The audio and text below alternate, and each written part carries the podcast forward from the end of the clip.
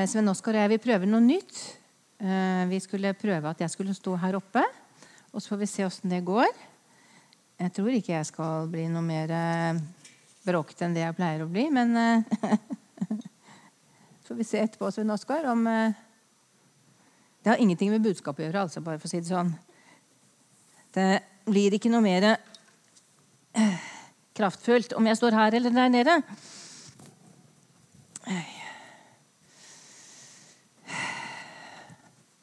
Det var eh, nydelig å se dere.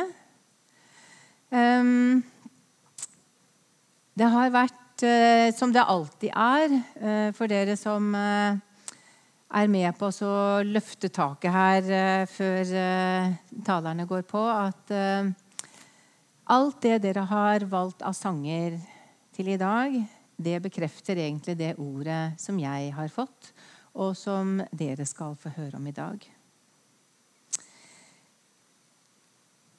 Da jeg ba i stad, så leste vi, eller siterte jeg fra salme eh, Nei, fra Johannes 17, 17, der Jesus han eh, ber til far om at eh, han skal hellige disiplene og alle de hellige i sannhet. Fordi det er bare Guds ord som er sant. Og eh, vi vet at eh, dette ordet som eh, Jesus sier Han sier bare det som far sier at han skal si.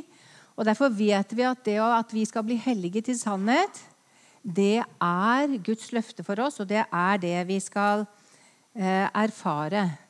Fordi i dag skal vi snakke om den sannheten som setter oss fri. Sist søndag Der, ja. Sist søndag, Tor Egil, så ga du oss eh, fire nøkler. Hvis ikke dere har hørt den eh, prekenen til Tor Egil, så vil jeg anbefale dere at dere går inn og hører på den. Det er et fantastisk budskap. Et ord til oss som menighet, og til ord i hvert fall til meg. Eh, den første nøkkelen som Tor Egil snakket om, den handlet om å ikke la fortiden vår definerer fremtiden vår. For Jesus han har vært i fortiden vår, og han har tatt bort de byrdene som ligger der. For han er i går og i dag, ja, til evig tid den samme, sa Tor Egil. Den andre nøkkelen, det strever litt med å få denne her til å fungere. Der kom den. Den andre nøkkelen den handlet om å ikke la denne verden forme oss, men sørge for at jevnlig bibellesning skulle gjøre det slik at det ordet som vi leser, det forvandler oss og lar sinnet bli forvandlet ved fornyelsen av vårt, eh, av vårt sinn. Han viste til hvordan jevnlig bibellesning vil styrke vår tro og får oss til å stole på Gud. Den eh, tredje nøkkelen han snakket om mm.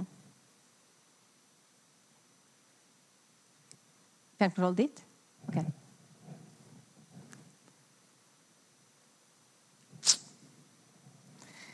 Ja. Den tredje nøkkelen handlet om vårt eget lønnkammer der vi går inn i en personlig lovprisning og bønn. Og jeg bare synes det der bildet der var bare så fantastisk. Eh, fordi at eh, eh, Noen ganger når jeg ber, så ser det ut som egentlig den der øverste der, liksom hvor bare alle bokstavene bare flyter sammen, og det blir bare skikkelig tukkel. Men Gud kjenner hjertet. Og han sier 'Jeg har hørt deg'. Jeg vet. Og den siste nøkkelen det var å stille oss åpen til tjeneste for Jesus og være trofast til menigheten der Guds ord forkynnes. Da jeg steg inn i dette nye året, så fikk også jeg et ord. Eh, som egentlig er i forlengelsen av det andre nøkkelen din, Tor Egil. Eh, fordi jeg tror at eh, Guds ord det er vesentlig for at vi kan leve et seiersrikt kristenliv. Sekulariseringen som eh, Tor Egil viste til sist søndag, Den vil stadig forsøke å forvandle vårt sinn til de verdslige ting istedenfor det som Guds ord forteller oss. Guds ord det forteller oss nemlig at summen av Guds ord er sannhet. Og hver eneste av hans rettferdige dommer varer til levetid. Guds ord det er tidløst. Det var aktuelt da det kom, og det var aktuelt på Jesu tid. Og det er like aktuelt i dag. Målet med denne sekulariseringen da, som eh, Tor Egil snakket om, den er jo å få oss til å bevege oss bort ifra Guds sannhet, som setter fri, og heller føre oss under trelldom. I Johannes kapittel 8 så får vi lese om en stor folkemengde som hørte Jesu tale om sin egen avreise. Av den sammenhengen i kapittelet så kan vi forstå det at eh, Jesus egentlig ikke så noen mulighet for at eh, denne mengden av folk skulle omvende seg. Og han måtte fortelle dem den harde sannheten om at utgangen ved å forkaste Jesus innebærer at de må dø i sine egne synder. Og så leser vi videre. Da han eh, talte disse ordene, så var det mange som kom til tro på ham. Jeg undret meg litt over dette da jeg leste det. når jeg så litt om konteksten om hvordan eh, disse menneskene var.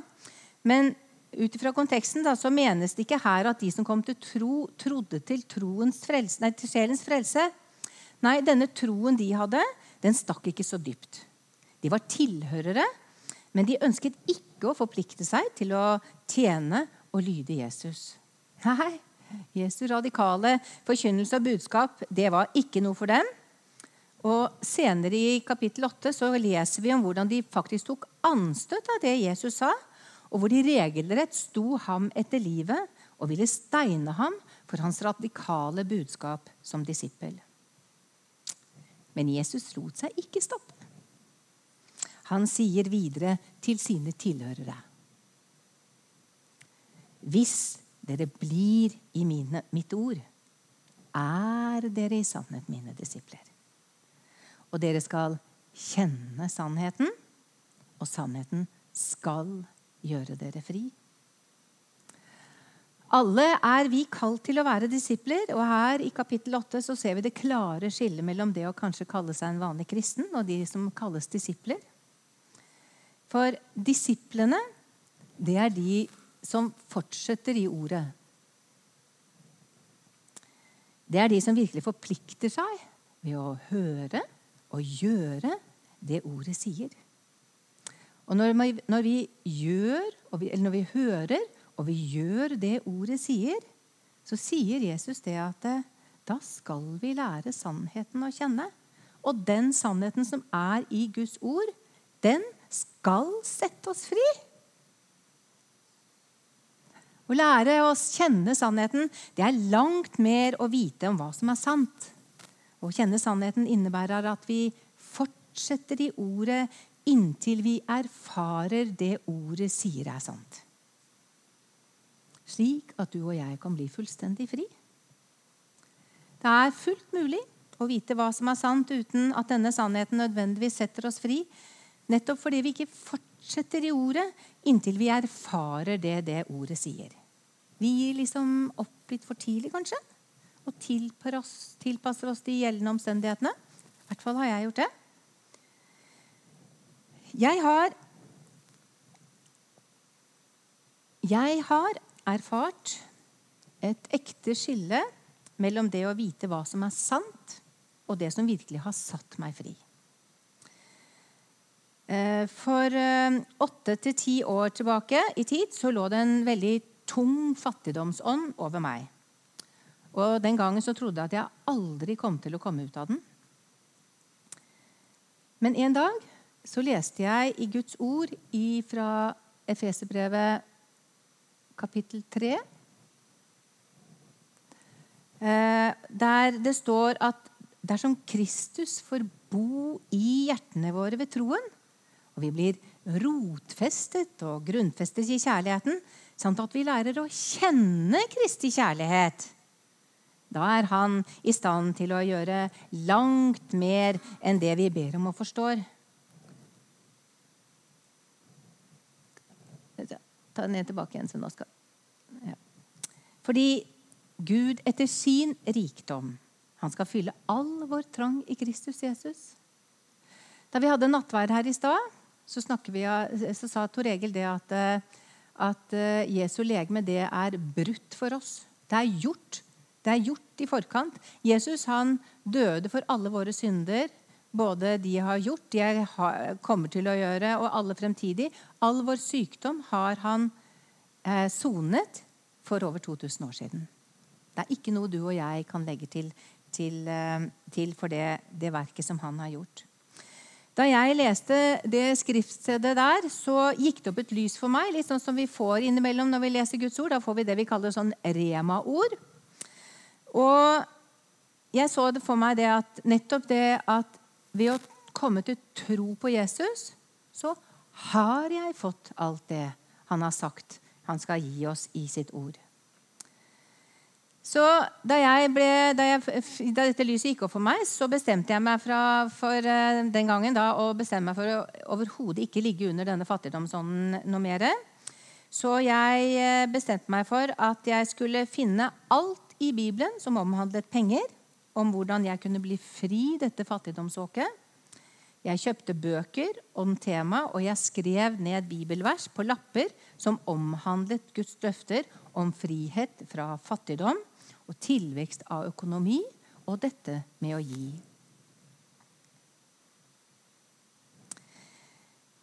Jeg hang disse lappene opp overalt i leiligheten. På speilet på badet, på kjøleskapdøren, på, kjøleska på, kjøkkenskapene, på utgangsdøren, og ikke minst skrev jeg også lapper jeg la i lomma mi og i lommeboka mi. Hver dag i tre år så leste jeg dem. Jeg memorerte dem. Jeg sa dem høyt. Talte til meg selv. Og sakte, men sikkert så begynte disse ordene å forvandle på innsiden av meg. Nå kan jo dere tro at når jeg liksom holdt på med dette i tre år, at jeg har litt tungt for det. at jeg må ha ting inn med mokasje.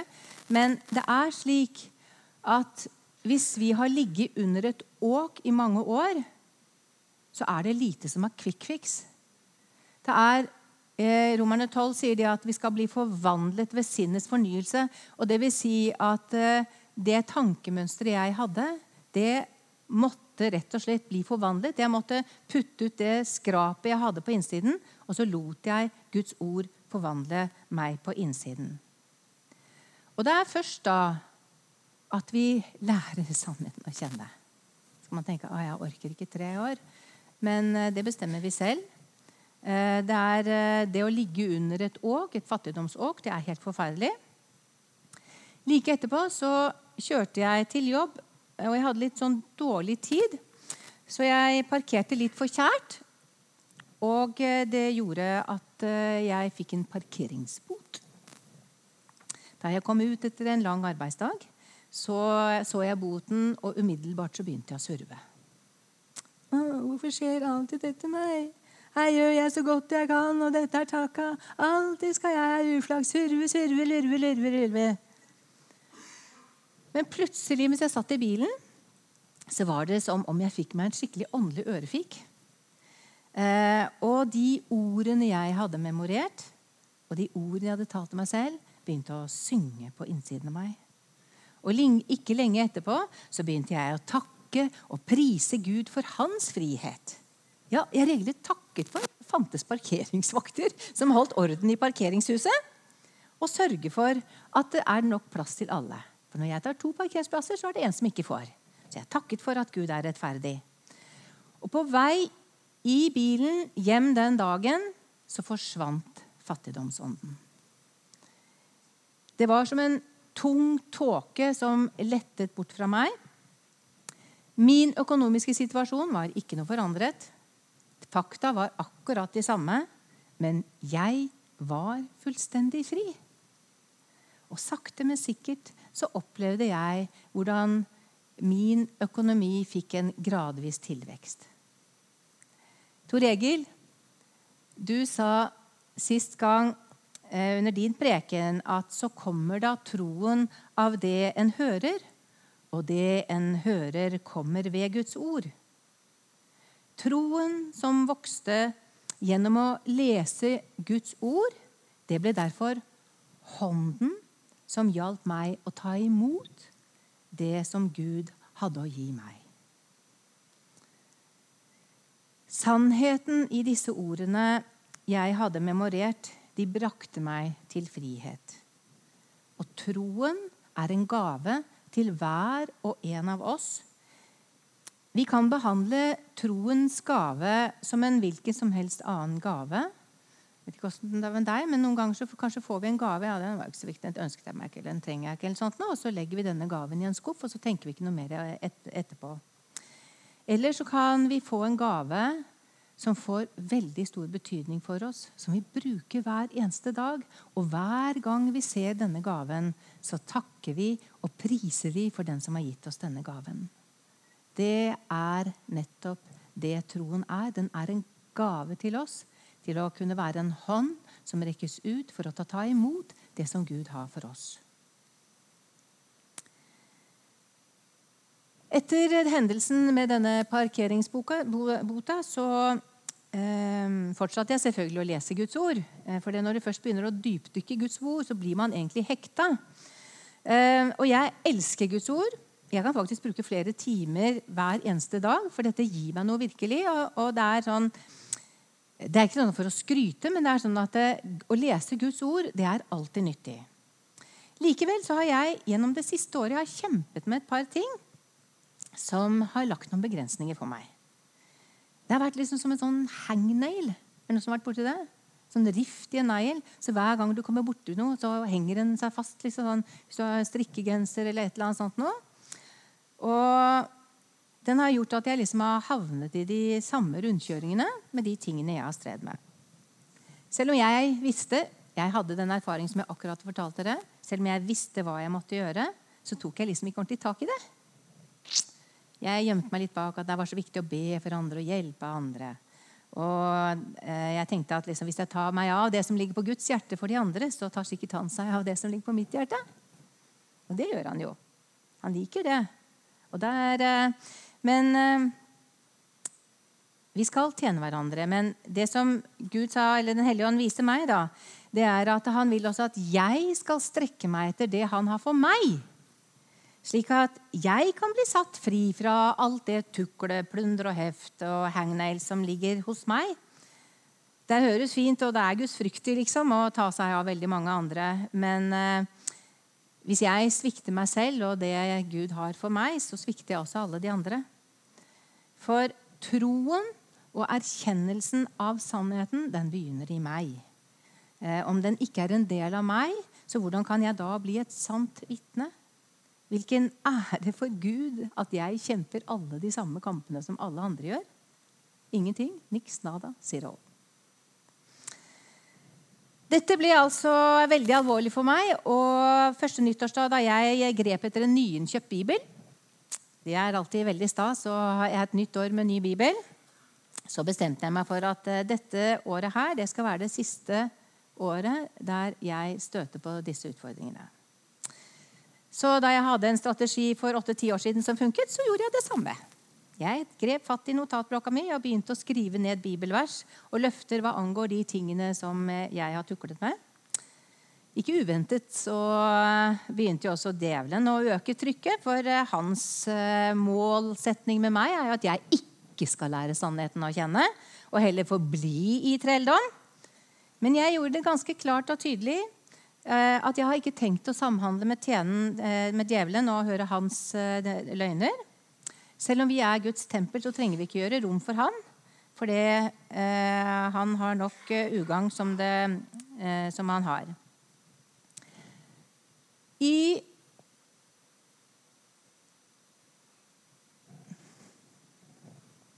I Hebrebrevet kapittel 4,12 så leser vi følgende Guds ord er levende og virkekraftig og skarpere enn noe tveget sverd. Det trenger igjennom helt til det kløyver både sjel og ånd og ledd og mark og er dommer over hjertets tanker og motiver. Dette ordet det betyr at det Guds ord som han har talt ved sin munn, som er inni her, blir et farlig våpen, ja, som et tveegget sverd, når du og jeg taler det samme ordet som Gud har talt.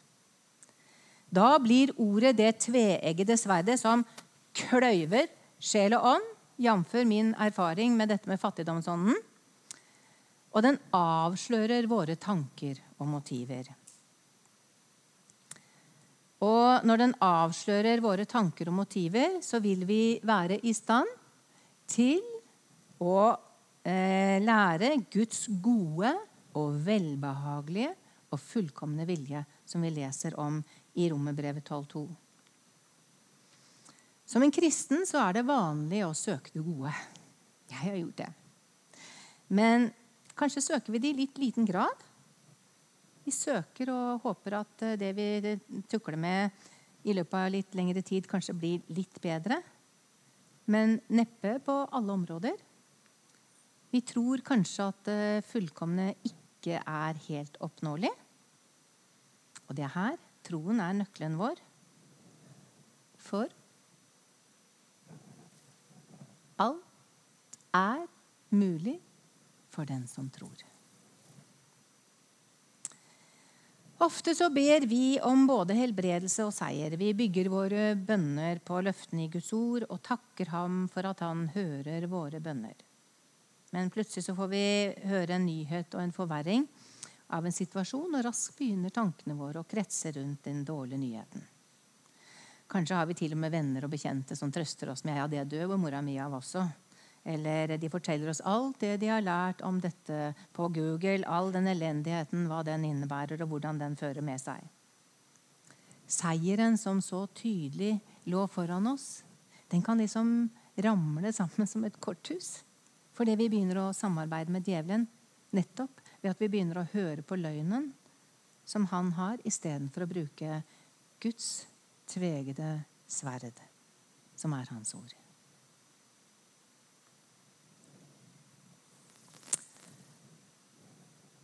Herren Gud formet menneskene av jordens støv, leser vi i 1. Johanne, nei, 1. Mosebok 2,7. Og han blåste livets ånde inn i hans nesebor.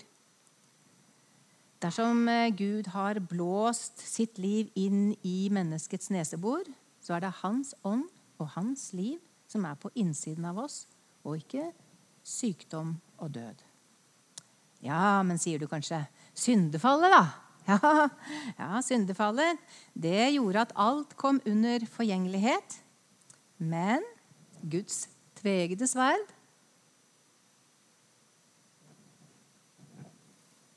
sier i Romerbrevet 8,2 For livets ånds lov har i Kristus Jesus gjort meg fri fra syndens og dødens lov.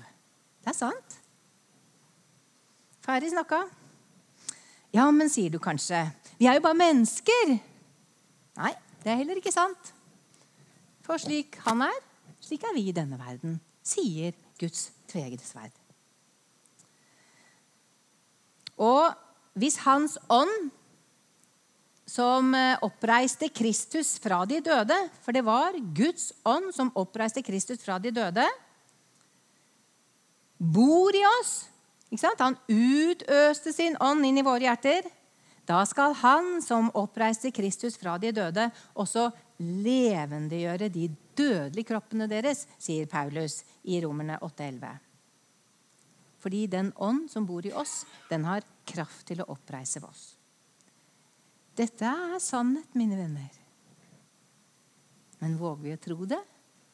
Våger vi å gå på det ordet? I eh, Salme 1 så slår det an en tone som ikke bare er en gjennomslagstema i hele Bibelen, eh, i Salmenes bok, men også hele Bibelen, spør du meg. Det står 'salig', eller oversatt så kan det bety lykkelig, misunnelsesverdig og åndelig fremgangsrik. Er den mann eller kvinne som ikke vandrer etter ugudeliges råd, og som ikke står ved synderens vei eller sitter på spotterens sete, men har sin lyst i Herrens lov og grunner på Hans lov dag og natt.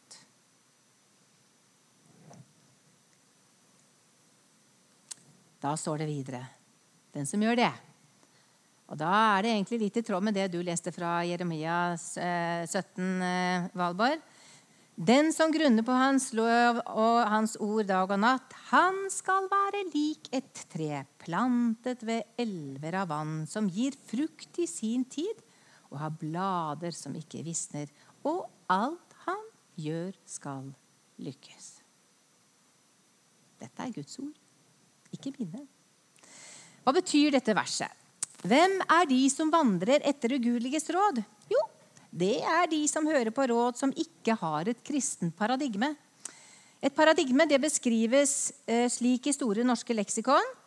Et paradigme er en problemløsning som blir akseptert som forbilledlig for løsninger av lignende problemer innen samme vitenskap, og som dermed skaper en vitenskapelig tradisjon. I dag har du og jeg en hel verden på mobiltelefonen vår. Jeg vet ikke hvor mye tid du bruker på den. Men hvis vi feiler noe eller møter på noe eller ser på noe, vi, så googler vi det opp, og så finner vi alle rådene og svarene på det vi søker etter. Det fins sikkert et og annet godt svar på Google også. Men du og jeg som er kalt til å være velsignet til å høre Guds ord og gjøre som Guds ord. Vi finner ikke sannheten vår der. Den finner vi Ja, i Guds ord. Oh, to, en, to. Hva innebærer det å stå ved synderens vei? Vi vet at synd betyr å bomme på målet.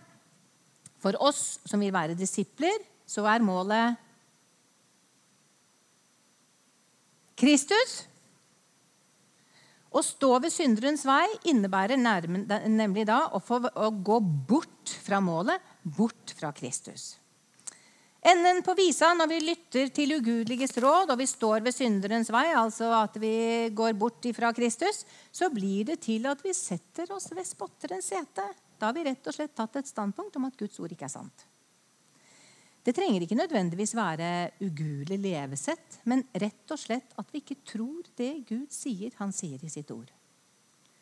Og vil vi ikke tro, så kan du være sikker på at da opplever vi det heller ikke. Ugudelige råd som fører oss bort fra Kristus og Hans ord, det kan dermed føre oss inn under trelldom. Men den som har sin lyst i Herrens lov, og alt det han har åpenbart i sitt ord, den vil være lik et tre plantet ved elver med rennende vann. Den vil være fruktbar. Og alt den gjør, skal lykkes. Det er ikke dermed sagt at vi får alt det denne verden kalles som lykke. Men vi har vår lykke i Kristus.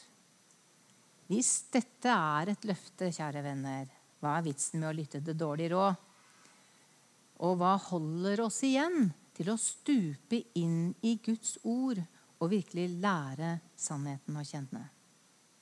Det er ikke tenkt at vi skal samarbeide med djevelen.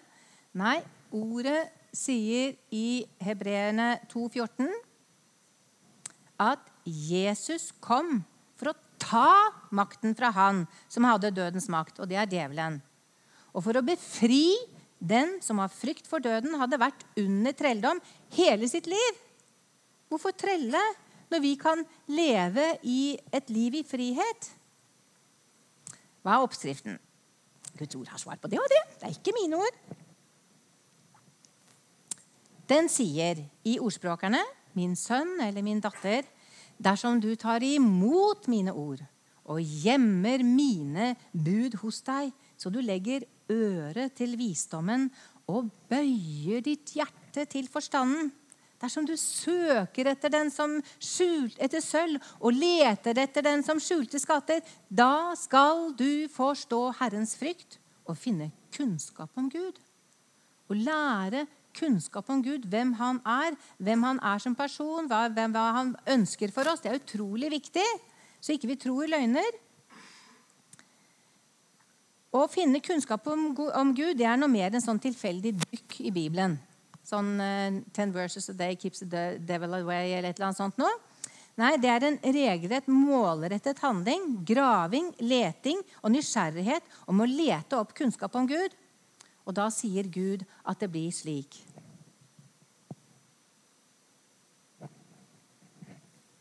Hjelper det meg, Espen Oskar? Der, ja. Salig, lykkelig, misunnelsesverdig, åndelig fremgangsrik er det mennesket som finner visdom. Visdommen, det er ja. Og det mennesket som vinner forstand, den er mer denne visdommen altså, den er mer dyrebar enn perler. Og ikke noe du måtte ønske deg, kan sammenlignes med den. Den har mange levedager i sin høyre hånd, og i venstre hånd har den rikdom og ære. Gud er derfor ikke den som legger på oss sykdom og plage for å lære oss ei lekse. Nei, Hans ord er frelsende visdom for alle den som fortsetter i ordet inntil sannheten får satt oss fri. Ja, men sier du kanskje, jeg kjenner jo gudfryktige menn og kvinner som har hatt tro og likevel ikke opplevd det ordet sier. Og det har jeg også. Men jeg har bestemt meg for å ikke sette min lit til menneskelige erfaringer, men heller stole på det Gud har sagt. For hvis jeg måler holdbarheten eh, ut fra menneskelig erfaring med det som står her, da gjør jeg Guds ord ugyldig, og det vil vi vel ikke. I åpenbaringen kapittel 12 så leser vi om engelen Mikaels kamp mot dragen, som er djevelen. Og Vi får vite at djevelen han taper kampen og blir kastet ut av himmelen og ned på jorden. Og da skjer det noe herlig. Det bryter løs en himmelsk lovprisning som sier Frelsen og styrken og riket tilhører fra nå av vår Gud, og makten tilhører Hans Kristus. For anklageren blant brødrene våre, han som anklager oss da framfor Gud dag og natt, er kastet ned. Og de har seiret over ham i kraft av lammets blod og i kraft av sitt vitnesbyrds ord. Vitnesbyrdsordet er det samme som Kristus sa, og er det samme som Guds ord. Ja, nå skal vi få det invitert her, altså. De som seiret, de talte altså det samme ord som Kristus gjorde, som er ordet. Og det er fortsatt bare lammets blod og ordet som gir oss seier. Vi kan prøve veldig mye annet, men det er bare lammets blod og Guds ord som kan gi seier. Og det ordet vi lærer å kjenne, dvs. Si at vi ikke gir oss før vi erfarer det ordet sier at det gjør, det er det som setter oss fri. For Det er bare den sannheten vi kjenner, som kan sette oss fri. Det hjelper lite å vite hva som er sant, om ikke vi lærer denne sannheten å kjenne. Vi må jage etter den for å få del i den samme seieren som Guds hellige fikk i åpenbaringen 12. Vil du hente den, Beate Valborg? Ja. Det er også mange som kjenner Guds ord, men unnlater å tale det. Og det er fantastisk å lese Guds ord, men når vi kobler på vår stemme når vi leser Guds ord, da blir det ordet som et tveget sverd. For når du og jeg leser Guds ord høyt, så hører våre ører det vi sier. Og da, hva skjer da? Da vokser troen på innsiden av oss. Så hvorfor ikke tilskynde vår egen tro ved å begynne å lese Guds ord høyt når vi først leser, slik at vår tro kan vokse seg sterkere, mer levende og mer kraftig ved å benytte den stemmen som vi har fått. Vi har blitt ganske så utålmodige i dagens samfunn. Ting skal løses kjapt, trygt og billig. Og vi forventer å finne raske løsninger, og vi tenker kanskje at også Guds ord skal være sånn. Det hadde vært enkelt, hadde det ikke det? Men Jesu ord viser oss at vi skal jakte på og grunne på. Vi skal bli i ordet, vi skal meditere på det, vi skal grave etter det inntil denne sannheten setter oss fri. Jeg har gjennom mitt nå tiårige kristenliv gitt opp flere ganger. Jeg har også tilpasset meg omstendighetene, litt fordi det var så slitsomt å stå i tro for det. Eh, men eh, nå har jeg bestemt meg. 2023 så har jeg tenkt at jeg har ikke tenkt å eh, innrette meg etter omstendighetene i det hele tatt. Dette året har jeg tenkt å grave og lete i Guds ord og finne og lære denne sannheten å kjenne som setter meg fri fra alt. Mens jeg var i mitt lønnkammer 1.1 så ble jeg minnet om en sang jeg verken har hørt eller sunget på mange år. Det beseglet det ordet som jeg fikk. Og så har jeg bedt Beate være med på å synge den for oss. Men la denne sangen kanskje bli med og synge den. Dere, mange av dere husker den sikkert fra dere som på en måte har vært med noen kriger. Så vil dere sikkert huske den. Eh, for dette, denne sangen den ble virkelig en sånn slags seierssang for meg da jeg hørte den. Og jeg skal komme opp med teksten her. Nei. Der, ja. Så la oss eh, begeistre av denne sangen. Og la oss bestemme oss i dag om at i dag så er det første dagen da vi skal ta Guds ord virkelig på alvor og ikke gi oss eh, overhodet eh, før vi lærer sannheten å kjenne, og at denne sannheten den setter oss fri. Himmelske Far, jeg takker deg og jeg priser deg. Jeg takker deg for at ditt ord er sant. Og at du helliger ditt ord, så vi kan lære sannheten å kjenne, slik at den kan sette oss fri. Far, jeg ber i den Herre Jesu Kristi navn om at du bevarer det ordet som har kommet ned i hjertet i løpet av denne tiden her, Herre. At dette ordet får en eh, begynnelse til å så noe stort og sterkt, Herre. At vi lærer å bruke den troen som vi har fått i en gave fra deg, til å bli den hånden som kan ta imot det du har gitt oss. At ikke vi tenker at denne gaven vi har fått, det er liksom ikke så veldig viktig. Det er liksom bare nåde over nåde. Men hjelp oss til å bruke troen målrettet til å ta imot alt det du har gitt oss. I Jesu navn. Amen.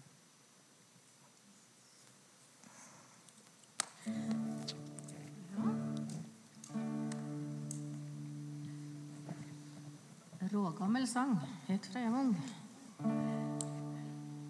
Da var jo du bare baby, Hilde. Men denne sangen, den lever. Han har